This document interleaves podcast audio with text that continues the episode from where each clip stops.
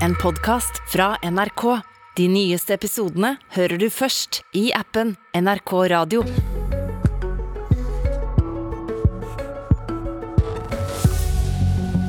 Krisestøtte er bare første steg. Det neste må bli varige endringer i strømsystemet vårt, krever SV. Og kanskje er ikke det viktigste spørsmålet hvor uavhengig en, eh, av politikken en eh, ny sentralbanksjef er, men eh, hva en moderne sentralbank faktisk trenger. Og hva det er, det skal vi få noen kvalifiserte synspunkt på mot slutten av dette politiske kvarteret. Vi starter med strømmen, for SV har brukt helgas landsstyremøte til å formulere krav de vil fremme overfor regjeringa om endringer i måten strømsystemet vårt er organisert på. Vi skal la regjeringa sin respons vente litt ved, og så tar vi heller en systemdiskusjon mellom to med litt eh, ulikt samfunnssyn, SV og Høyre. Vi, eh, skal vi ha en strømmarknad som i dag, eller trengs det mer stat, er jo da spørsmålet. Lars Haltbrekken, energipolitisk talsperson i SV. Dere sier at staten skal være leverandør av strømmen. Hva betyr det? Vi trenger mer folkevalgt eh, kontroll over eh, kraftpolitikken enn det vi har i dag. og Det siste halvåret så har vi sett at eh, markedskreftene har herja med det norske folk. Vi har skyhøye strømregninger. Det vi nå foreslår, er å opprette et statlig organ som kjøper inn en stor mengde strøm fra kraftprodusentene, som man så selger videre for en rimelig penge til familier og næringsliv, som da kan inngå en langsiktig avtale med dette statlige organet om å få levert strøm til en rimelig penge for å dekke sitt basisforbruk for de neste 10-20-30 år. Ok, og Bare for å forstå ideen sånn helt konkret da, før vi går videre. så Da, da er det ikke lenger noe Fjordkraft eller Norges Energi eller sånne strømleverandører som vi forbrukere handler av i dag? Nei, disse strømsalgsselskapene er et eh, fordyrende mellomledd, og vi ser at flere av dem også håver inn ganske store pengesummer. Eh, det vi i stedet ønsker, er å eh, da la staten ta et mer ta en mer aktiv eh, rolle eh, og sikre folk eh, imot de skyhøye strømprisene som vi nå ser. Og da får den enkelte forbruker en fast pris, sier du, på en del av forbruket vårt, da, eller? Ja, Du kan da inngå en avtale for de neste fem årene, ti årene, 20 årene, 30 årene, eh, alt ettersom hva du velger, hvor du får dekka ditt basisforbruk eh, til en rimelig penge. Og så kan man da tenke seg også en eh, form for toprissystem hvor forbruk over basisforbruket blir noe dyrere. Og dette også kjøpt av staten? Også kjøpt av staten, eller du kan velge å gå ut i spotmarkedet og kjøpe det, og dette vil da være med på å stimulere til energieffektivisering, f.eks. Hvem setter prisen? Stortinget? Nei, det som eh, vil jo da være det statlige selskapet som uh, forhandler fram uh, kjøp av strøm med kraftprodusentene. Dette er jo på mange måter likt det systemet som kraftkrevende industri har i dag. Elkem går til Statkraft, forhandler fram en avtale for de neste 25-30 årene om kjøp av en stor mengde kraft til en avtalt pris. Nikolai Astrup, Høyres energipolitiske talsmann, god morgen. God morgen. Hva blir verre for oss forbrukere om SVs ideer vinner gjennom? Altså jeg kan forstå at uh, tanker om uh, makspris eller faste, lave priser uh, på lange kontrakter gjennom et statlig selskap kan virke veldig forlokkende, men jeg tror dette er en løsning som vil skape flere problemer enn det, enn det løser.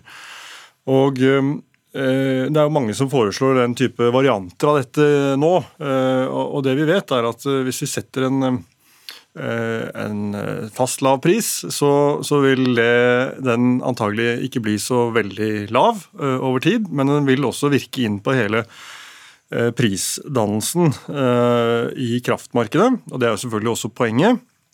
Og, og da vil du ende opp i en situasjon der det eksempel, hvis vannet er like mye verdt hele året, Eh, så har ikke vannprodusenten noe insentiv til å spare på strømmen på høsten eh, for at vi skal ha nok vann gjennom vinteren.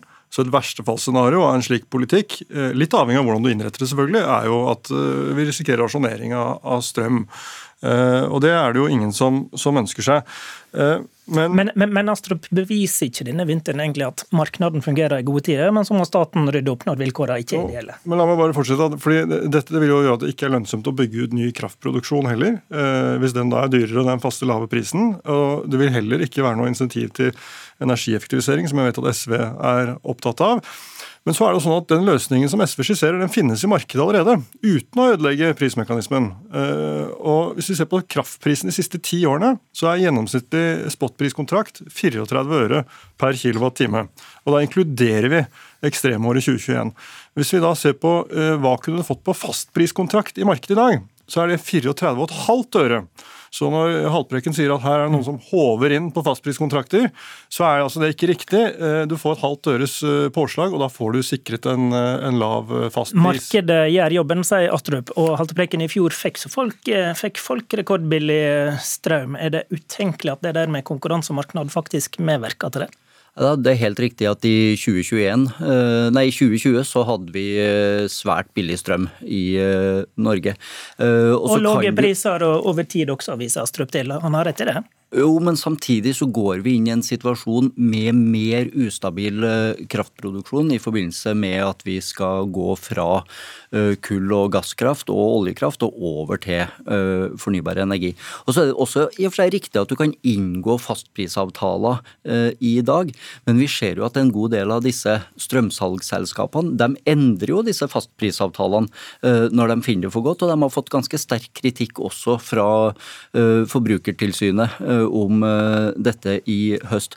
Eh, og så eh, er Astrup inn på dette med at det kan bli rasjonering, og at kraftprodusentene ikke får insentiver til å regulere produksjonen gjennom året. Jo, de vil jo ha det, for de vil jo hele tida være forplikta til å levere denne mengde kraft til norske forbrukere som har inngått disse avtalene, akkurat som de i dag er forplikta til å levere eh, en gitt mengde kraft til kraftkrevende industri.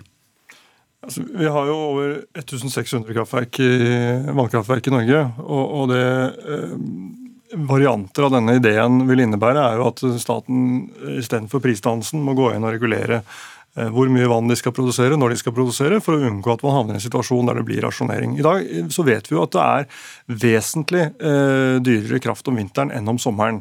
Og Det gjør at eh, kraftprodusentene har et insentiv til å spare strøm gjennom eh, høsten, og spare på det vannet, slik at de har vann gjennom vinteren. Eh, men en fast lav pris hele året vil antagelig også bli en fast høy pris gjennom året. Eh, og at du betaler mye mer om sommeren enn det du ellers ville gjort for kraften, og at du eh, over tid kommer dårligere ut som forbruker. Og jeg må bare minne om at Vi har hatt et, en variant av dette systemet før, før 1990. Og Resultatet av det var at både industrien og forbrukerne betalte mer for strømmen mellom 1980 og 1990 enn det vi har gjort fra 1990 til 2020.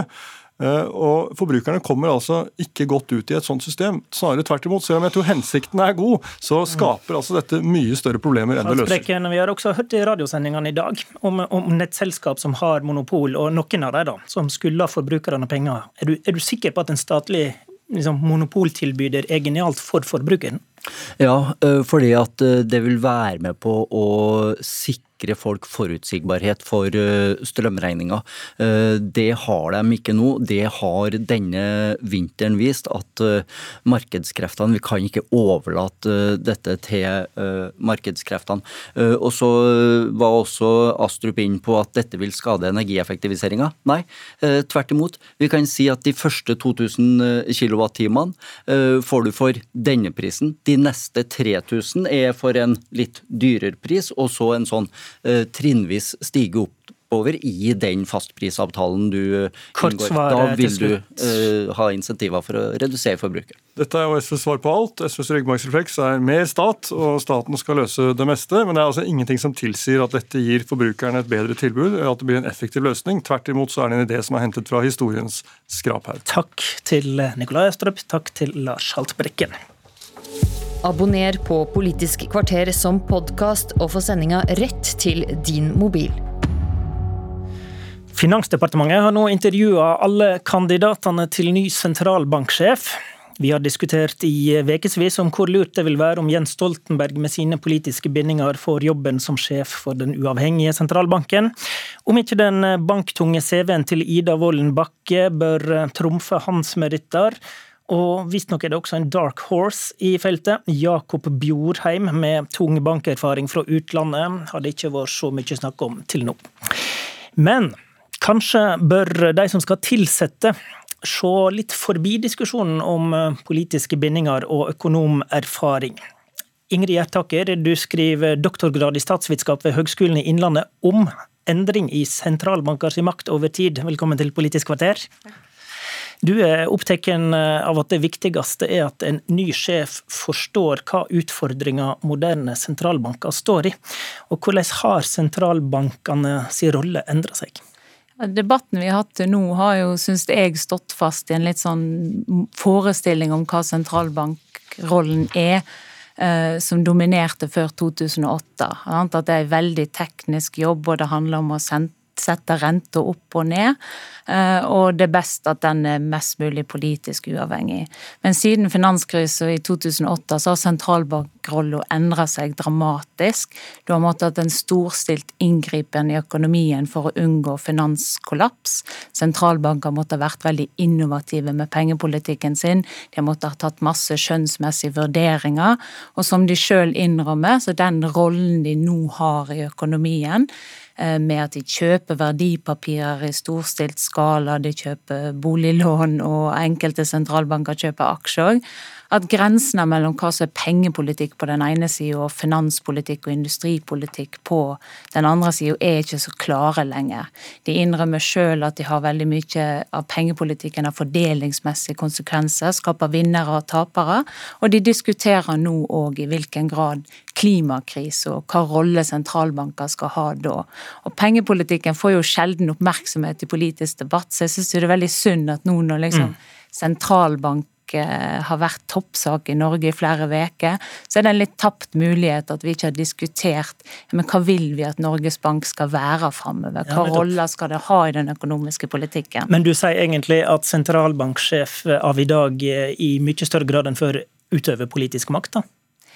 Ja, altså de, de, intervenerer i politikken i en stor grad, og de innrømmer sjøl at liksom, å sette renta opp og ned er jo ikke politisk nøytralt da heller, men den typen intervensjoner de har gjort de siste tolv årene, en del sentralbanker. Altså at de er aktive, da? Ja, da er de mer aktive i noe mm. som de sjøl sier. Det ligner finanspolitikk og det ligner industripolitikk, og da tar de politiske vurderinger. og Da ser mm. du òg noe som jeg gjør i min forskerkarriere, sitter og leser liksom og møtereferat. De tar politiske vurderinger hele tida.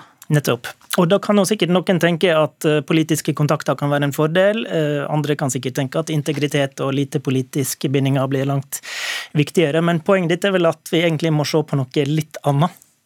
Ja, altså jeg tenker jo ikke Det er ikke uvanlig at noen har en politisk bakgrunn som eh, sentralbanksjef, eller at sentralbanksjefer går derfor rett i politikken.